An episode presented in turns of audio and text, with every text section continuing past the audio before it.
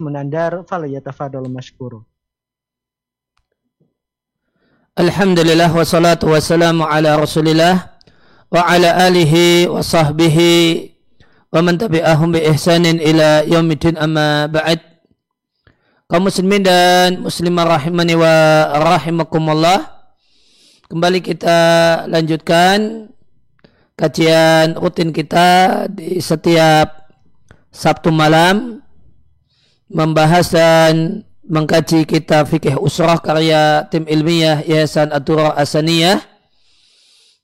Hafizahumullahu taala yang kemudian dilanjutkan dengan uh, sesi interaktif tanya jawab seputar hukum keluarga ya, pernikahan ya, wasiat waris dan yang lainnya kaum muslimin dan muslimah rahimani wa rahimakumullah materi pengantar kita dalam kesempatan malam hari ini ada sejumlah poin. Yang pertama, hukum membatalkan khidbah. Jadi sudah dilamar, kemudian berubah pikiran, tidak jadi akad nikah, apakah itu satu hal yang boleh?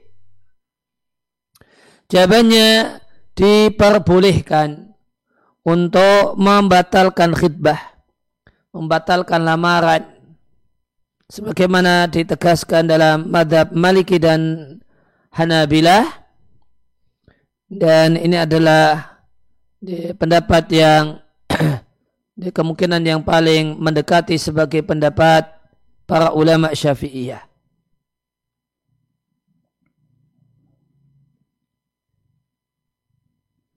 Namun, uh, namun para ulama bermadhab maliki menegaskan bahasanya membatalkan pernikahan dan membatalkan uh, dan membatalkan khidbah itu hukumnya makruh. Atau di madhab Hanabilah ditegaskan makruh jika tanpa alasan yang kuat dan kaidah fikih mengatakan makruh itu berubah menjadi mubah jika ada kebutuhan. Di antara dalil bolehnya tidak jadi nikah meskipun sudah khidbah.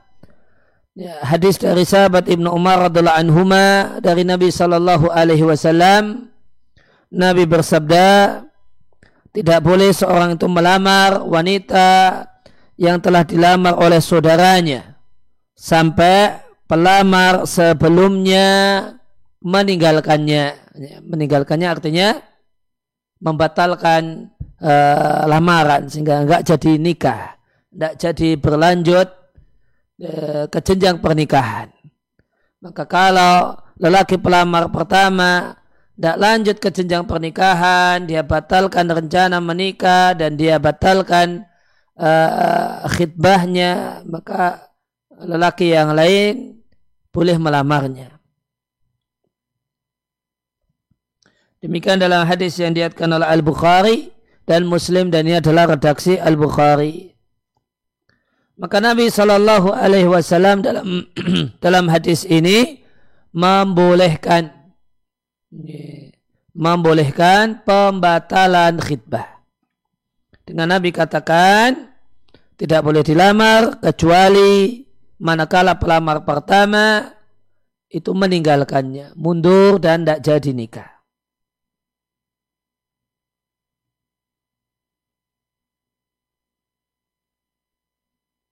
Kemudian alasan yang kedua adalah alasan akal sehat. Akal sehat mengatakan bahasanya akad nikah adalah akad yang berkonsekuensi seumur hidup. Nah, seandainya salah pilih, maka bahayanya, keburukannya itu langgeng. Oleh karena itu, maka pihak perempuan, demikian juga pihak laki-laki, diperbolehkan bersikap hati-hati untuk kepentingan dirinya. Ya, maka ya, meskipun sudah uh, kok ternyata setelah khidbah menuju jenjang pernikahan ternyata ada hal-hal yang mencurigakan. Setelah diselidiki, oh ternyata betul. Ternyata ada ya, manipulasi data. Kemarin waktu kenalan tidak seperti ini. Lo kok sekarang seperti ini dan seperti itu. Kemudian lamaran dikembalikan, rencana menikah dibatalkan, satu hal yang diperbolehkan. Ya, kemudian selanjutnya jika saat ya, melamar atau setelah melamar pihak laki-laki ngasih hadiah ini dan itu. Ternyata tidak jadi nikah. Ya, maka apakah pemberian yang yang sudah diberikan itu bisa ditarik kembali?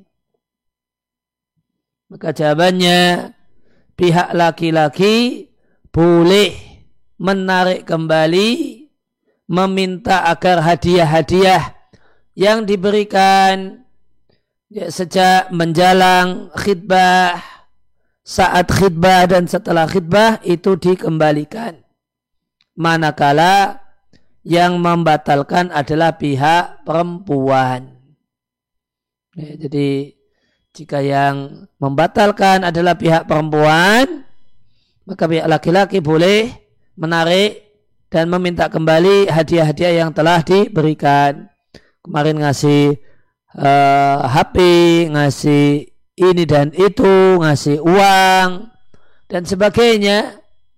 Maka itu semua bisa diminta kembali. Dan bolehnya meminta kembali dan menarik kembali hadiah-hadiah yang uh, yang telah diberikan manakala yang membatalkan dan yang mundur tidak jadi berlanjut dengan akad nikah adalah pihak perempuan. Ini adalah satu hal yang satu pendapat yang disepakati oleh empat madhab. Kenapa boleh ditarik kembali? Karena hadiah-hadiah ini jelas hadiah bersyarat. Hadiah dari pihak laki-laki dalam hal ini adalah hadiah bersyarat. Yaitu jika engkau jadi istriku, aku akad nikah denganmu, maka aku beri ini, ini, ini. Ini, maka ketika pihak perempuan yang mundur dan batal, maka berarti syarat pemberian hadiah tidak terpenuhi sehingga hadiahnya bisa ditarik kembali.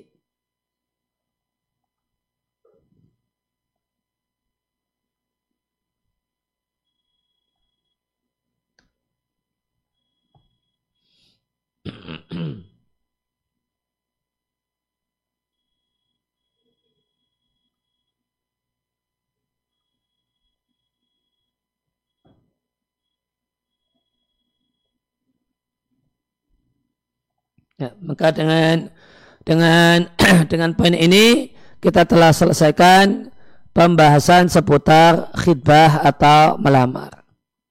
Kemudian kita lanjutkan pada pembahasan selanjutnya yaitu seputar akad nikah. Ya, maka dalam akad nikah ada yang disebut dengan ijab dan kobul. Nah apa itu ijab dan apa itu kobul? Dalam istilah fikih, ijab artinya adalah kata-kata yang berasal dari pihak wali atau yang menggantikan wali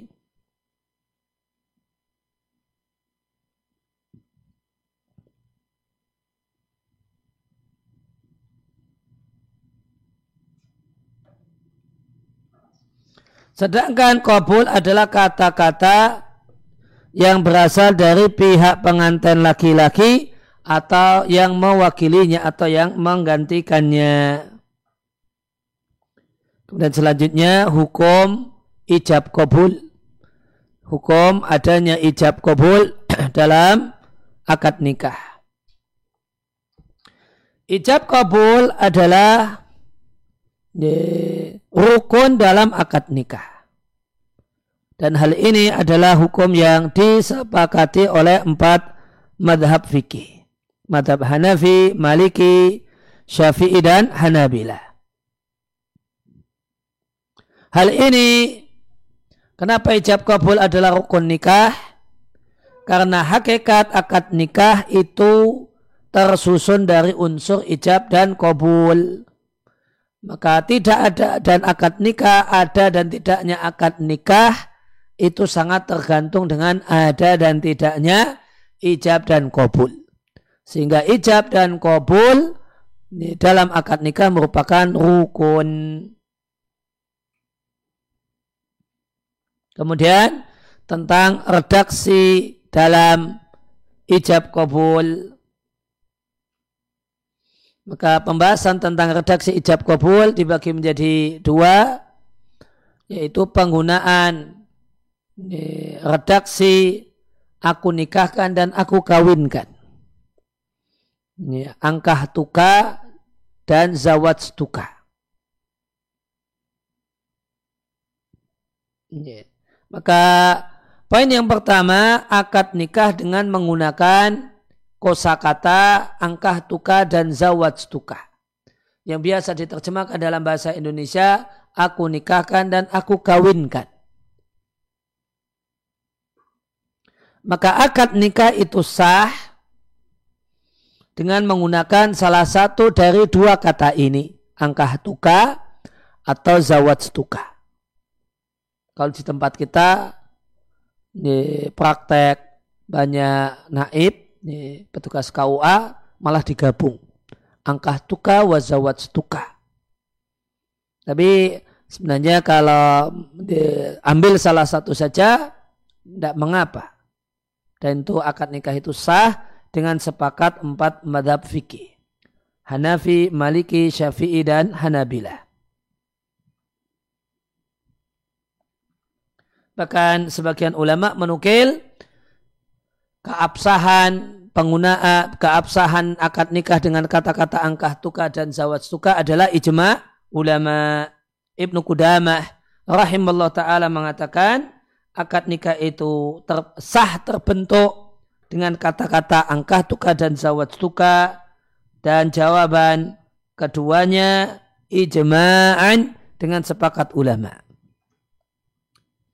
Ya, dalil hal ini karena di Al-Quran digunakan kata-kata dua kata-kata ini dengan pengertian nikah. Contohnya penggunaan kata-kata angkah, angkaha.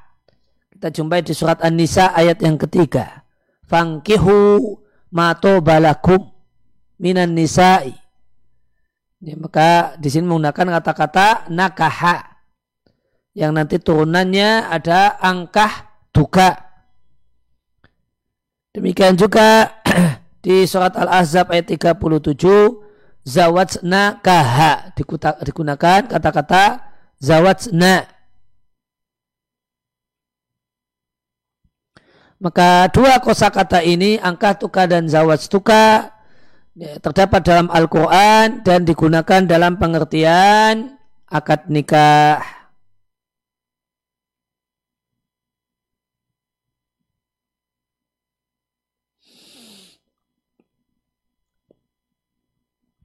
Dan yang uh, dan yang paling aman supaya tidak menimbulkan perselisihan ketika ijab kabul akad nikah gunakanlah redaksi ini. Angkah tuka dan zawas tuka. Nanti aman nanti. Lain hanya dengan seandainya uh, dengan kata-kata yang lain yang ini kita bahas di poin selanjutnya. Hukum akad nikah namun redaksi ijab kabulnya tidak menggunakan angkah tuka atau zawat tuka. Misalnya tidak menggunakan kata-kata aku nikahkan ya, atau aku kawinkan. Ya, misalnya kalau pakai bahasa Indonesia aku jodohkan atau aku jadikan ini istrimu. Nah, misalnya. Jadi pakai aku jadikan. Aku jadikan, aku jodohkan gitu. Maka ulama berselisih pendapat.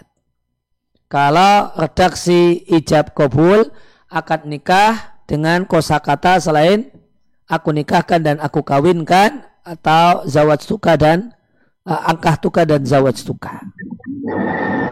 Sebagian ulama menyatakan tidak harus menggunakan angkah tuka dan zawat tuka.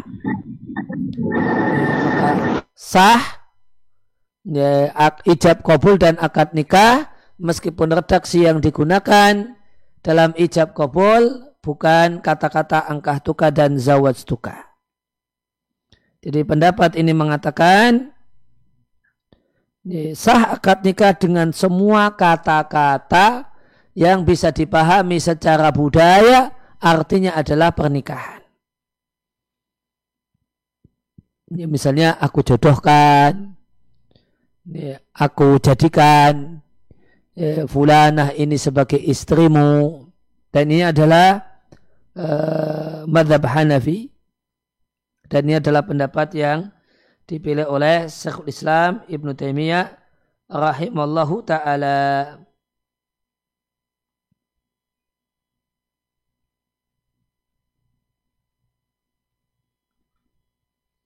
Beliau Ibn Taimiyah rahimallahu taala menyampaikan maka pendapat yang paling kuat dari dua pendapat ulama bahasanya akad nikah itu terwujud dengan semua kata-kata yang menunjukkan makna pernikahan tidak khusus harus dengan kata-kata angkah tuka atau zawat tuka.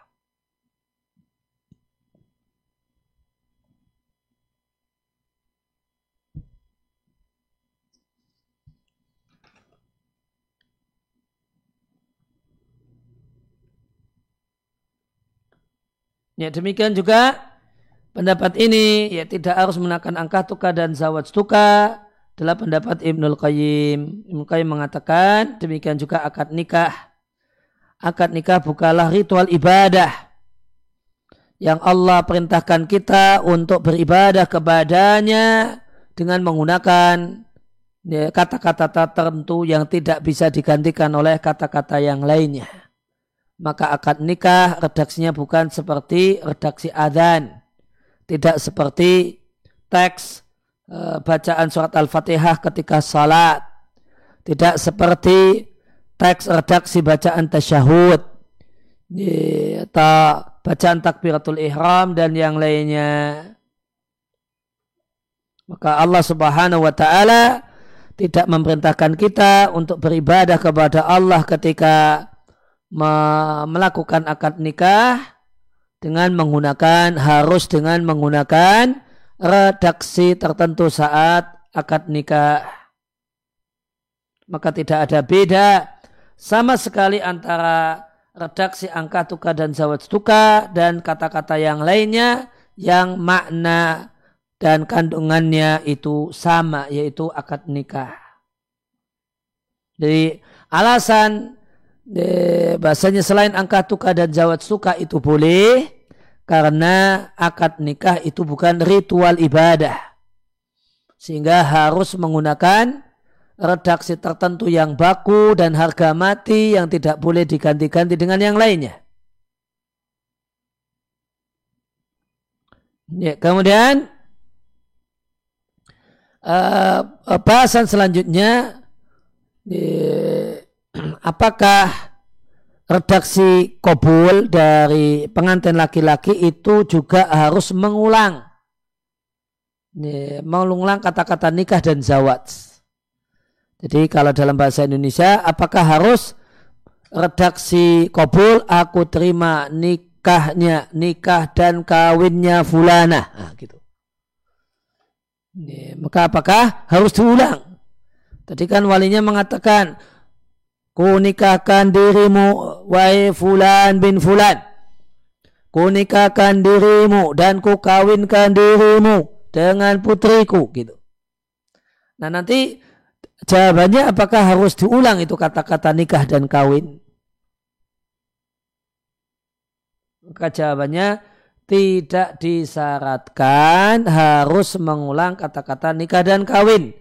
untuk redaksi kabul.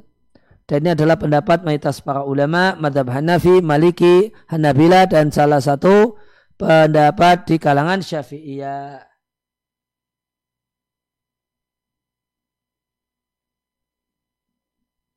Artinya menurut uh, penjelasan ini ya, sah seandainya uh, pihak pengantin laki-laki cuma menjawab kobil tu nah, pendek saja aku terima Ya, maka ini tadi pendapat mayoritas para ulama madhab Hanafi, Maliki dan Hambali nah, yang ada perselisihannya Syafi'i. Maka salah satu pendapat ulama Syafi'iyah mengatakan tidak harus mengulang kata-kata kuterima nikahnya dan kawinnya. Berarti ada pendapat yang lainnya mungkin ini yang jadi uh, menjadi alasan kenapa uh, semacam agak baku redaksinya adalah ku terima nikahnya dan kawinnya. Nah alasan kenapa tidak harus diulangi kata-kata nikah dan kawinnya? Ya, alasannya karena sudah jelas sudah tegas jawab dalam jawaban. Dengan aku terima itu maksudnya aku terima nikahnya dan kawinnya sehingga tidak tidak perlu harus diulang. Ya, demikian materi pengantar yang kita yang bisa disampaikan dalam kesempatan kali ini. Wassalamualaikum ala nabiyina Muhammadin wa ala alamin. Bisa ditampilkan enggak zoomnya di Jazakallahu khairan Ustadz atas pemaparan materinya pada malam hari ini. Alhamdulillahirrahmanirrahim Sobat Muslim telah kita simak bersama ya pembahasan materi dari kajian kita Fikih Usrah karya tim ilmiah Yayasan Duror Asaniyah. Semoga Allah Subhanahu wa taala mudahkan kita dalam memahaminya ya Sobat Muslim. Dan kita berada di sesi yang kedua Sobat Muslim yaitu sesi interaktif sehingga Sobat Muslim yang mungkin ada pertanyaan terkait tema yang dibahas pada malam hari ini ataupun juga terkait konsultasi seputar hukum keluarga dapat bertanya lewat chat SMS ataupun WhatsApp di 0823 2727 5333 atau sobat muslim yang tergabung di link Zoom, YouTube dan juga Facebook dapat menuliskan pertanyaan di kolom komentar. Kita bacakan pertanyaan yang masuk Ustadz. Ya, silahkan. Assalamualaikum Ustadz. Waalaikumsalam warahmatullahi. Ustadz izin bertanya, rumah tangga saya sedang bermasalah dan saat ini tersisa satu bulan masa iddah sesuai keputusan PA Makassar. Terjadi kesalahpahaman antara saya dan istri saya. Uh, istri saya berulang kali meminta cerai namun saya menjawab bahwa tidak ada jalan cerai kecuali saya dengan sengaja melakukan kesalahan fatal seperti selingkuh, berzina, memukul, atau perbuatan dolim lainnya. Selama ini saya sudah berulang kali mengakui kesalahan saya kepada istri dan beberapa keluarga dekat. Saya orang yang sering mencari-cari masalah, e, memperberat masalah, sering mengambek dan diam ketika melihat ketidaksenangan saya kepada istri maupun yang lainnya. Saya menyadari kesalahan saya sejak istri saya marah besar dan berupaya merubah sikap dan memperbaiki agama saya. Namun istri saya tetap saja tidak mau menerima saya lagi dan dia mengajukan gugatan. Selama ini apa pun yang dia minta, saya turuti untuk menyenangkan hatinya dan berharap dia berubah sikap. Termasuk permintaannya untuk tidak mengikuti sidang di pengadilan agama, mengingat ibu mertua saya juga merupakan hakim. Saya berusaha mengikuti keinginannya, namun di dalam hati saya mengingkari perceraian tersebut. Yang mau saya tanyakan Ustadz, apakah talak istri saya ini sudah bisa dianggap sah sesuai syariat Islam? Mohon penjelasannya Ustadz, Barokallahu fikum. Uh, sebenarnya khulu itu terjadi ya, maka uh, pihak perempuan dalam hal ini istri itu bisa membubarkan ikatan pernikahan dengan cara khulu. Dan dalam khulu itu di antara syarat pokok adalah uh, pembayaran yang diberikan oleh pihak perempuan dalam hal istri atau walinya atau pihak ketiga ini sebagai pembayaran dari istri yang diberikan kepada pihak suami. Kemudian suami menerimanya. Setelah itu suami mengatakan, kujatukan talak kepadamu. Nah ini namanya uh, namanya khulu. Jadi istri minta untuk di dicerai dan dia mengatakan saya siap bayar mahar saya kembalikan atau bahkan mahar dan hadiah selama pernikahan ya, saya kembalikan. Kemudian suami menerimanya, kemudian suami mengatakan, aku uh, ku jatuhkan talak kepadamu. Jadi uh, khulu itu suami menjatuhkan talak, namun bersyarat ada pembayaran yang diberikan oleh istri yang ini diterima uh, oleh pihak suami. Dan itulah khuluk yang terjadi pertama kali dalam Islam. Khuluknya uh, yang terjadi pada uh, keluarga Thabit bin Qais bin Shamash yang dia di dia dihulu oleh istrinya kalau tidak salah namanya Jamilah. Ya, maka Jamilah dan akad nikah uh, yang dulu terjadi maharnya adalah kebun kurma. Maka uh, Jamilah melapor kepada Nabi mengatakan saya tidak ingin melanjutkan pernikahan. Ya, Nabi katakan apakah engkau mau kembalikan kebun korma yang dulu jadi mahar pernikahan. Ya, maka Jamilah mengatakan, iya saya mau. Kemudian Nabi katakan kepada Thabit bin Qas bin Syamas, Wahai Sabit, terimalah kebunnya dan jatuhkanlah uh, kemudian summa talikha tatliqatan dan jatuhkanlah talak kepadanya satu kali talak. Ya, kemudian Sabit menerima ikrar pengembalian kebun Kemudian ya, Sabit bin Syamas, Sabit bin Qais bin Syamas menjatuhkan talak pada istrinya. Nah ini jika khuluknya adalah khuluk uh, sukarela. Kemudian ada pembahasan bolehkah suami dipaksa untuk menerima khuluk. Apakah uh, boleh suami dipaksa untuk menerima khulu sehingga nanti uh, teknisnya pihak pengadilan memaksa suami. Memaksa suami mengharuskan suami dan memaksanya untuk menjatuhkan talak. Setelah khulu di uh, diajukan oleh pihak perempuan atau pihak istri. Nah, ulama berselisih pendapat tentang hukum uh, ikrah atau pemaksaan untuk khulu. Suami dipaksa untuk menerima khulu.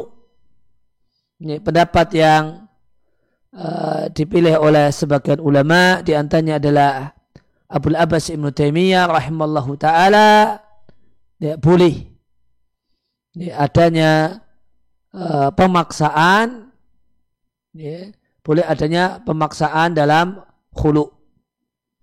Dan uh, dan yang terjadi di uh, untuk kemudian skema gugat cerai di uh, eh, PA di pengadilan agama di tempat kita ya ini derivat dari hal ini. Jadi bentuk pemaksaannya bisa saja uh, mbak uh, pihak suami dihadirkan atau kemudian suami tidak hadir, kemudian secara sepihak eh, pengadilan agama memaksa suami untuk menerima khulu. kemudian dengan eh, dengan pihak pengadilan agama menyatakan khulu itu sah. Itu. Ya, uh, berkenaan dengan apa yang tadi disampaikan oleh penanya, ya kalau memang istri itu sulit menerima kesadaran-kesadaran suami, minta maaf suami juga tidak diterima, ya. maka seandainya memang eh, seandainya ini dipaksakan untuk lanjut, itu keadaannya juga tidak nyaman. Karena ya, istri tidak menerima permintaan maaf suami dan perbaikan suami. Gitu. Ya, maka Allah Ta'ala a'la mungkin berpisah adalah jalan yang terbaik. Dari sini kemudian dipetik hikmahnya ya, dan bahwasannya eh, pernikahan itu membutuhkan kedewasaan, membutuhkan kedewasaan, membutuhkan akal dan mengedepankan akal dan mempertimbangkan jauh ke depan. Dan di antara bentuk kedewasaan adalah mengakui kesalahan dan melakukan perbaikan-perbaikan semaksimal mungkin. Nah. Terima kasih Ustadz atas nasihatnya. Kembali lagi kami ingatkan Sobat Muslim, Maksudnya kita sudah berada di sesi yang kedua ya, yaitu sesi interaktif. Sehingga sobat muslim yang mungkin ada pertanyaan terkait tema yang dibahas pada malam hari ini, ataupun juga terkait hukum keluarga dapat bertanya lewat chat SMS ataupun WhatsApp di 0823 2727 5333. Atau sobat muslim yang menyaksikan dan mengikuti lewat link Zoom, YouTube dan juga Facebook dapat menuliskan pertanyaan di kolom komentar. Kita lanjutkan ke pertanyaan berikutnya Ustaz. Assalamualaikum Ustaz. Waalaikumsalam warahmatullahi. Ustadz izin bertanya, bagaimana tips agar kita selalu ridho dengan rezeki yang Allah berikan? Terkadang gaji tidak cukup untuk sekedar membantu orang tua di rumah. Jazakumullah khairan Ustadz. Ya, dia penting untuk bisa ridho dengan dan puas dan merasa cukup dengan pemberian Allah Subhanahu wa taala setelah kita maksimal berusaha adalah mengamalkan sabda Nabi sallallahu alaihi wasallam, "Ungduru ila man asfala minkum wala tangduru ila man fawqakum." Lihatlah kepada orang yang lebih rendah, jangan lihat pada orang yang di atas yang lebih enak, yang lebih sejahtera, yang lebih mewah. Namun lihatlah orang yang lebih rendah. Dan uniknya dunia, sesusah apa pun kita, ternyata bisa kita jumpai ada orang yang lebih susah daripada diri kita. Dan jika kita lihat orang-orang yang di bawah kita, maka manfaatnya fa'innahu ajdaru alla tasdaru ni'matallahi alaikum. Dengan itu engkau tidak akan menganggap remeh dan kecil dan sedikit nikmat yang Allah Subhanahu wa taala berikan kepada eh, kalian. Dan ketika eh, kondisi memang sedang sulit dan secara umum kondisi pandemi semua merasakan imbasnya, maka yang dilakukan adalah jangan sampai besar pasak daripada tiang. Yang diharuskan adalah pemangkasan hal-hal yang tidak uh, diperlukan dan melakukan langkah-langkah berbagai macam penghematan-penghematan. Dan uh, ya, pengurangan untuk uh, belanja semaksimal mungkin kecuali hal-hal yang mendesak dan memang betul-betul dibutuhkan. Nah, Terima kasih Ustadz atas jawabannya. Kita lanjutkan ke pertanyaan berikutnya Ustadz. Pertanyaan lewat link Zoom. Assalamualaikum Ustadz. Waalaikum.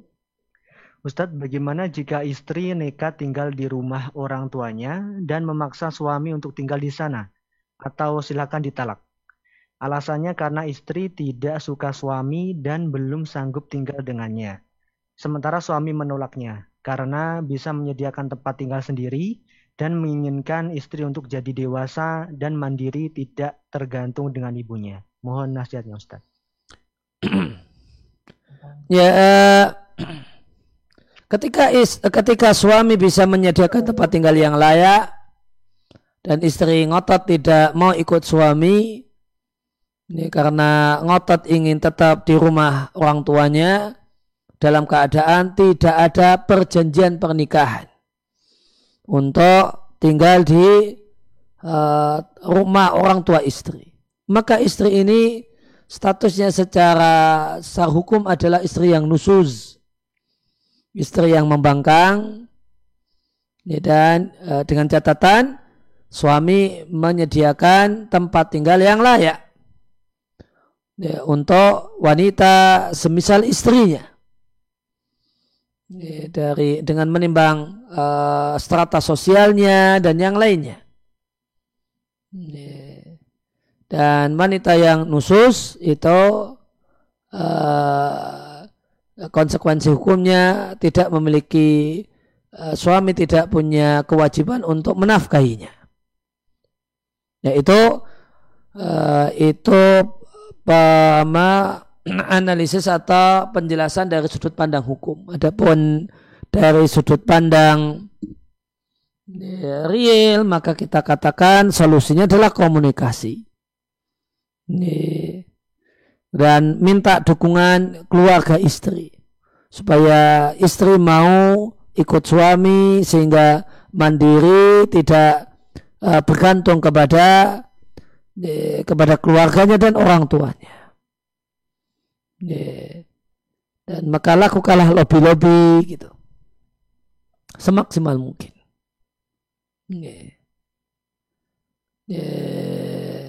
Dan ini PDKT kepada mertua dan sebagainya. Kalau mertuanya adalah menginginkan kebaikan, menginginkan kebaikan untuk anaknya, menginginkan anaknya supaya menjadi wanita yang mandiri, uh, tidak kemudian selalu bergantung pada orang tua, karena ya orang tua secara secara umum kita katakan nah, nanti ada saatnya orang tua itu tiada. Ya, maka kalau orang tua ini orang tua yang memang dewasa dan menginginkan kebaikan untuk rumah tangga putrinya, maka dia akan mendukung pihak, tentunya akan mendukung pihak suami dan keinginan suami. Ini. Namun jika ternyata semua jalan itu buntu dan mentok, maka tidak boleh tidak ya opsi dari istri cuma dua. Biarkan aku tinggal di rumah orang tuaku atau ceraikan aku. Nah. Terima kasih Ustadz atas nasihatnya. Kita lanjutkan ke pertanyaan berikutnya Ustadz. Ustadz, apakah kita harus nekat dalam hidup ketika ingin menikah karena banyak sekali was-was dan pikiran ketakutan akan masa depan? Mohon nasihatnya Ustadz, syukron. ya, tentang uh, Apakah perlu nekat dan tidak? Ya, ya ini perlu data yang lebih lengkap tentang kondisi uh, yang bersangkutan. Namun secara umum kita katakan bahasanya di antara penyakit kejiwaan yang ya, Nabi minta perlindungan kepada Allah Azza wa Jalla darinya adalah penyakit kejiwaan alhamu wal hazan Al-Hazan yaitu terpenjara oleh masa lalu, oleh duka rasa duka di ya, berkenaan dengan hal-hal yang tidak nyaman yang terjadi di masa silam atau alhamu dihantui perasaan ketakutan berlebihan tentang masa depan. Maka bedakan di antara dua hal memikirkan masa depan dengan menyiapkan step-stepnya dan yang kedua sekedar takut, sekedar bingung tentang bagaimanakah masa depan. Ya, maka yang kedua itu penyakit psikologi, penyakit kejiwaan. Sedangkan yang pertama itu adalah bukti orang yang berakal. Ya, saya laki-laki saya punya rencana masa depan membangun uh, rumah tangga dan keluarga, ya, maka uh, saya harus punya skill kemudian saya harus latihan uh, latihan untuk bekerja dan punya penghasilan. Kemudian saya harus nabung, saya harus irit demi menghalalkan si dia. Kalau perlu saya akan puasa Daud setiap hari. Ya, saya akan puasa Daud atau bahkan puasa setiap hari. Supaya lebih banyak bisa nabung. Bukan kemudian uh, puasa Daud yang artinya makan dua kali namun seperti makan tiga kali ya, ya nggak jadi ngirit. Karena ternyata makanan bukanya itu dibuat lebih mewah daripada biasanya. Akhirnya nilainya sama dengan makan tiga kali. Ya tidak jadi nabung. Namun uh, saya akan berhemat saya kemudian uh, apa ya berhemat ngirit ya, kemudian mengurangi ya, untuk beli-beli hal-hal yang tidak perlu sehingga belanja itu hanya untuk hal-hal yang demikian benar memang benar-benar perlu kemudian bisa juga memanfaatkan uh, bantuan untuk ya, ada terkadang kita jumpai mungkin punya kenalan dan link untuk bantuan untuk menikah. Wallah alam tapi di masa pandemi itu masih beredar ataukah tidak ada ya jika tahu link-link tertentu itu ada orang-orang yang menyalurkan ya, dana bantuan bagi para bujangan untuk menikah dengan nilai yang nilai bantuan yang cukup lumayan. Ya, maka eh, hal-hal uh, semacam ini bisa di uh, diusahakan, dipikirkan, coba cari link, ada ndak kenalan yang bisa menghubungkan kita dengan para donatur yang uh, memberikan bantuan biaya pernikahan. Nah itu dipikirkan. Itu dipikirkan dan uh, maka ini ya, maka ini menunjukkan di akal sehat. Nah kalau hal-hal ini telah dilakukan, ya maka sebenarnya ya memang semuanya sudah direncanakan, tidak perlu ada nekat-nekat. Ya. Tapi ya, apakah perlu nekat untuk menikah dan dan tidak? Ya ini perlu uh, pengetahuan yang lebih detail tentang kondisi real uh, penanya. Nah. Terima kasih Ustadz atas jawabannya. Kembali lagi kami ingatkan Sobat Muslim bahwasanya kita sudah berada di sesi interaktif ya.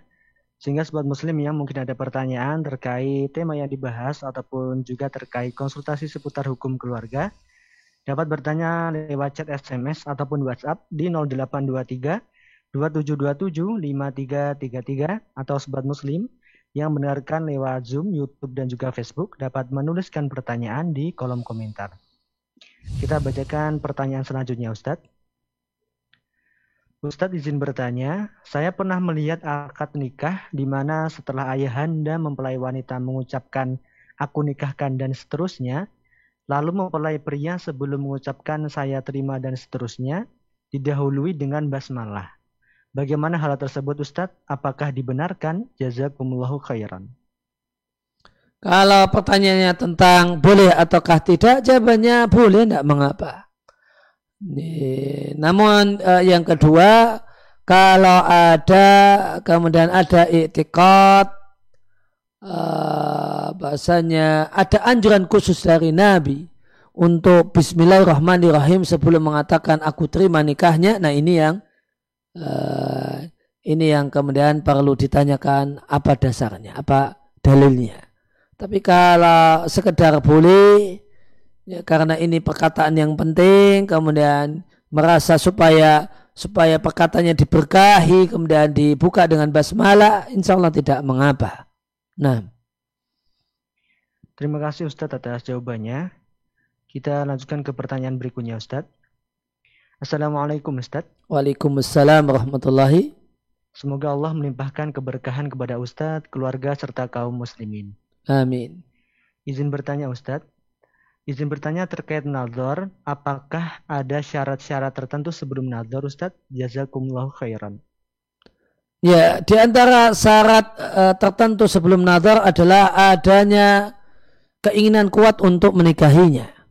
Kemudian adanya harapan besar kalau nanti akan disetujui. Tapi kalau sudah yakin pasti ditolak, ya berarti tidak perlu nazar.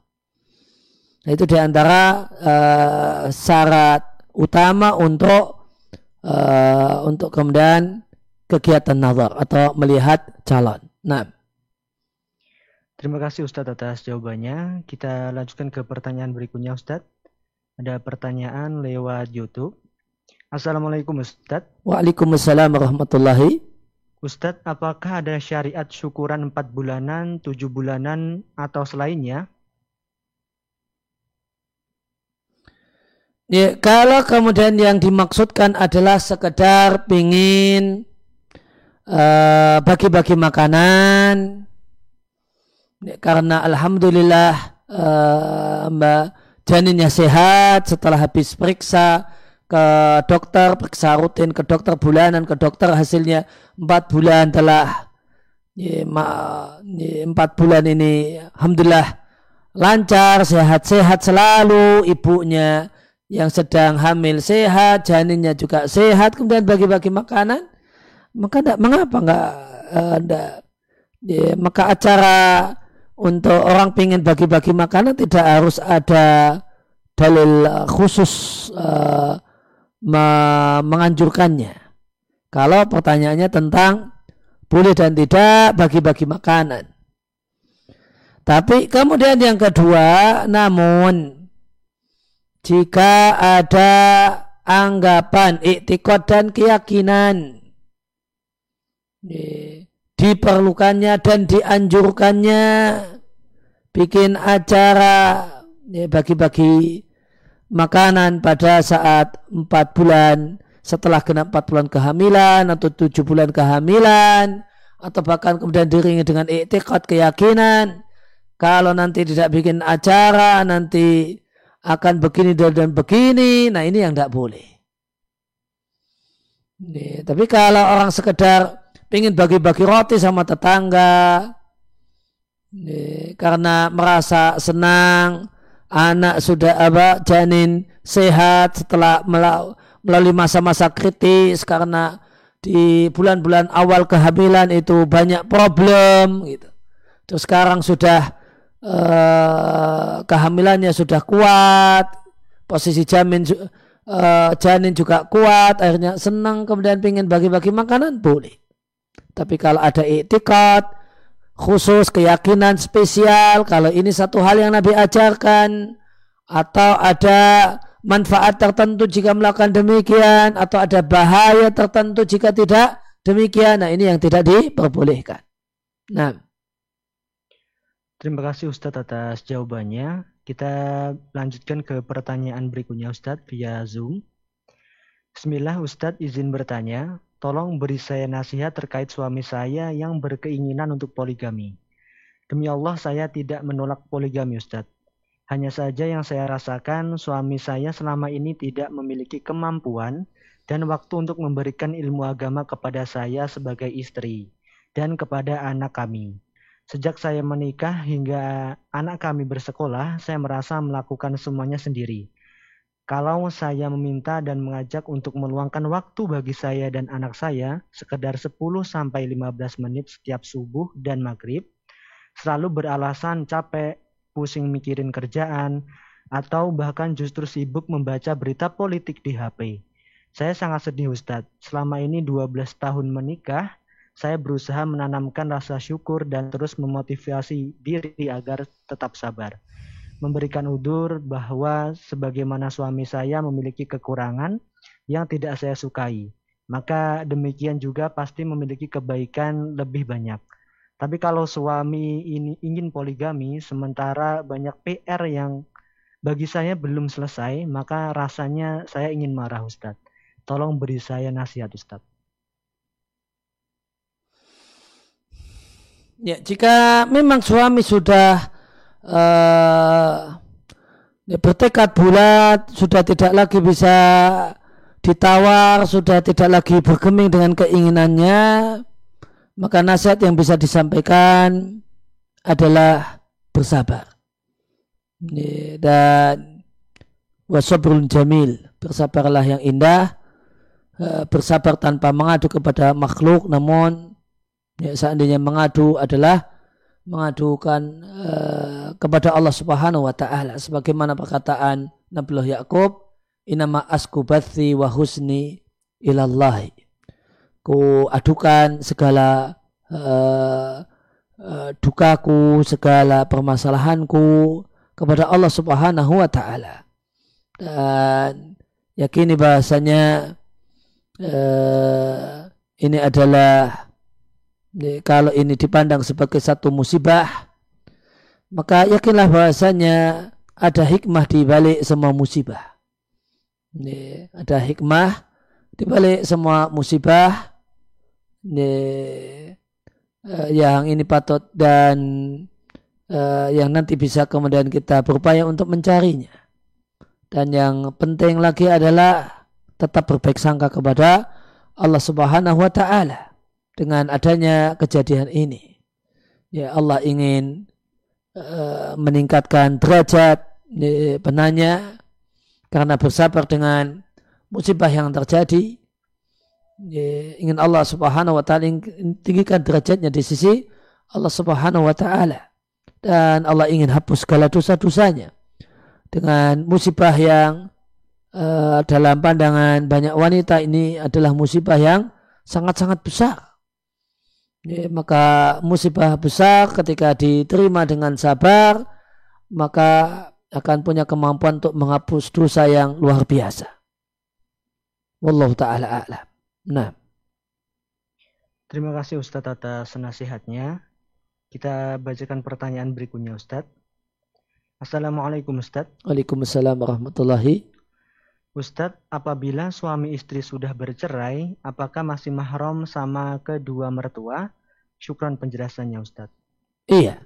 Uh, meskipun sudah tidak lagi eh, menjadi anak menantu, nih, maka mantan mertua itu tetap mahram. Mahram selamanya. Mahram selamanya.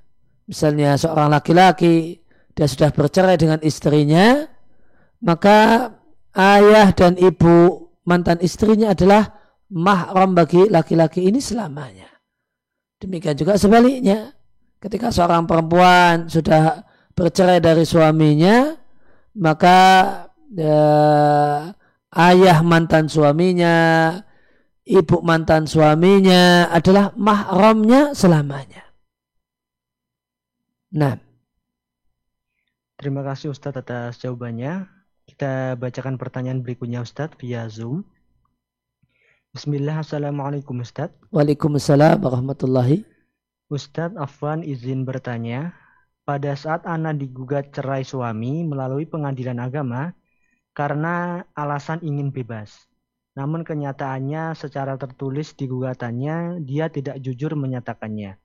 Bahkan pada saat proses gugat cerai, saya dan dua anak saya tidak diberi nafkah. Bagaimana pandangan hukum Islam dalam menyikapi masalah ini? Syukran Ustadz, jazakumullahu khairan. Uh, ya, kalau suami kemudian melakukan gugat cerai untuk istrinya, maka ini kesalahan uh, kesalahan besar dan kesalahan fatal. Ini, suami itu tidak perlu gugat cerai. Karena cerai itu ada di tangan suami, ada di lisan suami. Secara hukum agama, ya, cerai itu sah dengan suami cukup mengatakan kuceraikan dirimu. Ini nggak perlu ada gugat cerai. Maka kalau dia mengajukan uh, mengajukan uh, apa uh, ke pengadilannya yang dia ajukan adalah pengajuan gugat cerai, maka ini sebenarnya kalau pakai sudut pandang hukum agama lucu dan aneh. Dan, dan di sini ada istilah yang uh, istilah yang kacau. Gitu. Mungkin uh, sebatas yang saya tahu kalau dari pihak laki-laki itu namanya bukan gugat cerai, namun uh, ikrar talak pengakuan uh, talak atau takrir talak ya bukan gugat cerai jadi berkenaan dengan cerai itu de, de, atau talak maka kalau secara agama cukup dengan lisan suami ya. kemudian kalau plus dengan negara ya maka di sini ada proses administrasi yang perlu dijalani di PA di pengadilan agama. Dan jika talak itu talak yang pertama atau talak yang kedua, suami tetap wajib menafkahi istrinya sampai masa idah selesai. Ini, jika ini tidak di, dilakukan, ya tentu suami berdosa. Dan berkenaan dengan nafkah istri, di, kalian tidak di, tidak dilakukan uh, suami punya hutang sedangkan berkenaan dengan anak maka anak itu anak suami. Meskipun sudah bercerai nafkah anak sudah bercerai dengan ibunya maka nafkah anak kewajiban bapaknya. Demikian ketentuannya dan semestinya. Nah. Terima kasih Ustadz atas jawabannya. Mungkin kita akan bacakan satu pertanyaan terakhir Ustadz pada malam hari ini dan mohon untuk menutup kajian pada malam hari ini karena keterbatasan waktu. Assalamualaikum Ustadz. Waalaikumsalam warahmatullahi. Ustadz, beberapa bulan ke depan insya Allah saya akan menikah. Saya sudah istikharah tapi terkadang muncul ragu. Tapi terkadang juga yakin. Bagaimana ya Ustadz? Mohon nasihatnya. Matur nuwun jazakumullah khairan. Ya, maka silakan istikharah diulang sampai tiga kali. Setelah itu ditambah dengan ber, berembuk, ber, uh, bermusyawarah dengan wali, dengan orang tua, atau jika kenalannya itu ada perantara, ada mak comblang, maka silahkan dimusyawarahkan antara uh, antara pihak eh, ini yang mau menikah kemudian walinya, keluarganya, orang-orang yang dewasa dari keluarganya dimintai saran ditambah uh, perantara. Maka apa yang apa ungkapkan semua yang ingin diungkapkan kepada mereka-mereka dan dengarkan saran-saran uh, dan keputusan dan kesimpulan akhir dari mereka-mereka. Kita minta pilihan kepada Allah karena Allah yang tahu hal-hal yang tersembunyi. Dan kita minta saran kepada manusia-manusia dewasa dan terpercaya dan bijak karena untuk kita karena manusia itu mengetahui hal-hal yang nampak. Maka hal-hal yang tidak nampak kita serahkan pada Allah, yang hal-hal yang nampak ya, perhitungan-perhitungan di atas kertas kita konsultasikan kepada orang yang layak untuk menjadi tempat konsultasi. Setelah itu ambil keputusan ya, jadi nikah ataukah tidak dan tawakal kepada Allah Subhanahu wa taala. Dengan banyak-banyak uh, merengek, berdoa dan memelas kepada Allah agar Allah memberikan yang terbaik. Ya demikian yang bisa disampaikan dalam kesempatan kali ini. Kami ucapkan terima kasih atas kehadiran Bapak dan Ibu sekalian di kelas virtual ini baik lewat Zoom, lewat YouTube atau lewat uh, aplikasi Radio Muslim ataukah lewat uh, Facebook Radio Muslim ataukah yang lainnya. Semoga kehadiran kita di forum kajian ini Allah catat sebagai amal ibadah, amal soleh yang memperberat timbangan kebajikan kita semua di sisi Allah Subhanahu wa taala di hari tidaklah bermanfaat harta dan anak kecuali orang yang menghadap Allah dengan hati yang bersih dan amal yang soleh. Kemudian kami ucapkan terima kasih kepada tim Radio Muslim dan Haku TV dan semua pihak yang berpartisipasi terselenggaranya kegiatan ini, kegiatan uh, amal kebajikan ini. Jazakumullah khairan. Semoga Allah balas dengan yang lebih baik di dunia dan di akhirat. Terima kasih atas perhatian. Mohon maaf atas segala kekurangan. Wassalamualaikum ala nabiyina Muhammadin wa ala alihi wasallam wa da'wana alhamdulillahirabbil alamin insyaallah kita akan uh, kembali berjumpa di Sabtu malam yang akan datang. Uh, Assalamualaikum warahmatullahi wabarakatuh